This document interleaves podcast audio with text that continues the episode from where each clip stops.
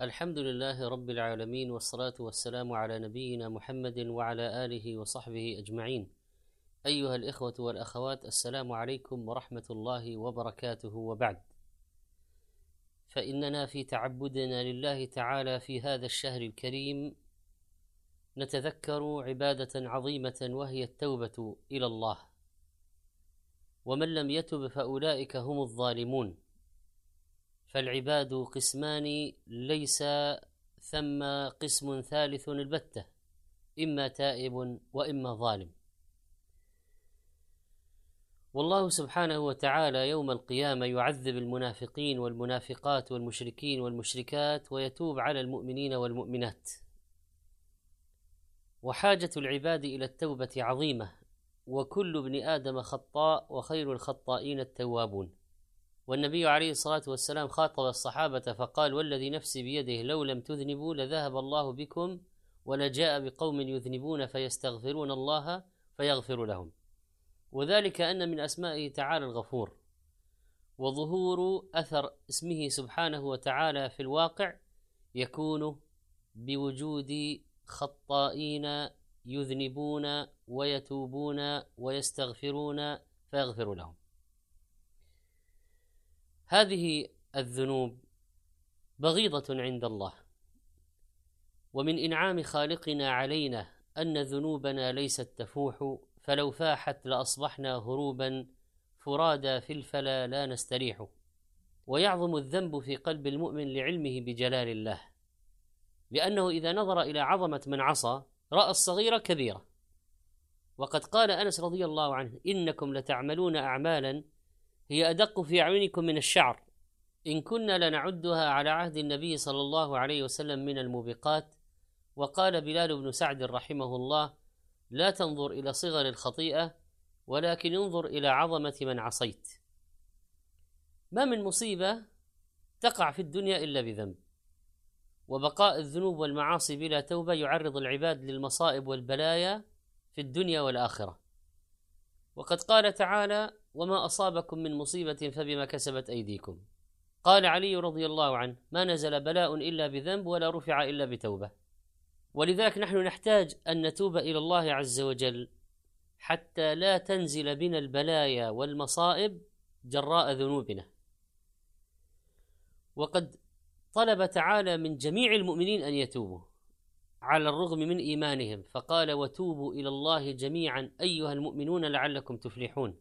والتوبة في كلام الله ورسوله تتضمن الإقلاع عن الذنب في الحال والندم عليه والعزم على عدم العود في المستقبل. قال ابن القيم رحمه الله التوبة في كلام الله ورسوله تتضمن الإقلاع عن الذنب في الحال والندم عليه في الماضي والعزم على عدم العود في المستقبل. وقال ابن قدامة رحمه الله إن التوبة عبارة عن ندم يورث عزما وقصدا وذلك الندم يورث العلم بأن تكون المعاصي حائلا بين الإنسان وبين محبوبه. التوبة النصوح هي التوبة التي يعزم فيها صاحبها على عدم العود. إن فيها لندما عظيما وإنها تستوجب إقلاعا مباشرة. وإذا كانت تتعلق بآدمي فلا بد أن ترد إليه مظلمته. التوبة من الكبائر والصغائر. التوبة من ترك المأمور وفعل المحظور. هذه التوبة بابها مفتوح والله يبسط يده بالليل ليتوب مسيء النهار. ويبسط يده بالنهار ليتوب مسيء الليل. فنستغفر الله عما جرى منا من التقصير في حقه. ونسأله عز وجل أن يرزقنا الإنابة إليه. وهو الذي يقبل التوبة عن عباده ويعفو عن السيئات. المنافقون على خطورة ذنبهم وهم في الدرك الأسفل من النار. قال تعالى فيهم إن المنافقين في الدرك الأسفل من النار ولن تجد لهم نصيرا إلا الذين تابوا وأصلحوا. أصحاب الأخدود على عظم جرمهم حركوا المؤمنين والمؤمنات لأنهم قالوا ربنا الله. ومع ذلك قال تعالى عنهم إن الذين فتنوا المؤمنين والمؤمنات ثم لم يتوبوا فلهم عذاب جهنم ولهم عذاب الحريق. قال الحسن رحمه الله قتلوا أولياءه وهو يدعوهم إلى التوبة والمغفرة. قل يا عبادي الذين أسرفوا على أنفسهم لا تقنطوا من رحمة الله. وبعض الناس يكون قد عمل قبل رمضان من الذنوب ما عمل واقترف ما اقترف وانغمس في أوحال المعصية ما انغمس وأسرف على نفسه. يأتي رمضان وفي نفسه أن يتوب. لكن حتى تقبل التوبة لا بد أن تكون توبة حقيقية. لا تتضمن عزما على العود في المستقبل للذنب. لأن بعض الناس عندما يتوب هو يقول في نفسه إن هذه توبة مؤقتة وإنها خاصة برمضان وإنه بعد العيد سيرجع. وهذه توبة لا تصح لأن من شروط قبول التوبة أن يعزم أن لا يعود. لو ضعفت نفسه وعاد يتوب مرة أخرى. لكن أن يكون في نفسه عند التوبة أنه سيعود فهذه توبة فاسدة. اذا يجب أن نستشعر ونستحضر معاني التوبة عندما نتوب. والله عز وجل لما حكى عن اليهود قولهم الشنيع أنهم زعموا أن عزير بن الله وأن الله فقير وأن يد الله مغلولة. وكذلك من زعم أن الله ثالث ثلاثة من أهل الصليب. قال تعالى لهم جميعا أفلا يتوبون إلى الله ويستغفرونه؟ والله غفور رحيم.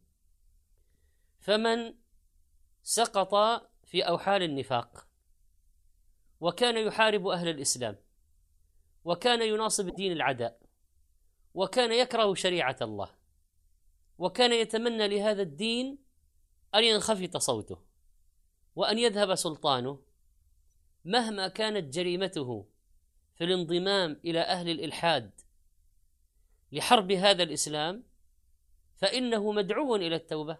أفلا يتوبون إلى الله ويستغفرونه؟ الله سبحانه وتعالى دعا إلى التوبة الذي قال أنا ربكم الأعلى. والذي قال ما علمت لكم من إله غيري. وقال ابن عباس رضي الله عنه من آيس عباد الله من التوبة بعد هذا فقد جحد كتاب الله عز وجل. من الناس من أسرف على نفسه في الخمر والمخدرات. ورزح تحت سلطان الخمر وتأثير المخدرات سنين طويلة. هو مدعو إلى التوبة. من الناس من قارف الفواحش. بأنواعها. والشذوذات المنكرة من هذه القاذورات وكذلك من أنواع الاعتداء والتغرير بالنساء وكذلك تلويث فرش الأزواج. وربما أدخل على زوج من ليس من أولاده. وكذلك جر باستعمال المخدرات والتهديد الفتيات إلى أوكار الرذيلة وأوحال الفاحشة. بعد هتك الأعراض وبعد ما حصل وحصل من هذه اللذات المحرمة والجرائم الشنيعة المستبشعة هل له مجال للتوبة؟ الجواب نعم. الذي أكل الحرام اعتدى على بيت مال المسلمين أكل أموال المسلمين أخذ الرشاوى سرق اختلس اغتصب. هذا مدعو للتوبة. لا يوجد ذنب إلا ويمكن التوبة منه حتى الكفر والشرك الأكبر. التوبة سبب الفلاح. وتوبوا إلى الله جميعا أيها المؤمنون لعلكم تفلحون. التوبة تبدل بها السيئات حسنات إلا من تاب وآمن وعمل عملا صالحا فأولئك يبدل الله سيئاتهم حسنات. التوبة سبب المتاع الحسن وأن استغفروا ربكم ثم توبوا إليه يمتعكم متاعا حسنا إلى أجل مسمى. التوبة سبب دخول الجنة. توبوا إلى الله توبة نصوحة. عسى ربكم أن يكفر عنكم سيئاتكم ويدخلكم جنات تجري من تحتها الأنهار. التوبة تمحو الذنوب التائب من الذنب كمن لا ذنب له. نسأل الله سبحانه وتعالى أن يتوب علينا وأن يغفر لنا ذنوبنا وإسرافنا في أمرنا وأن يبدل سيئاتنا حسنات. إنه سميع مجيب. وصلى الله وسلم على نبينا محمد.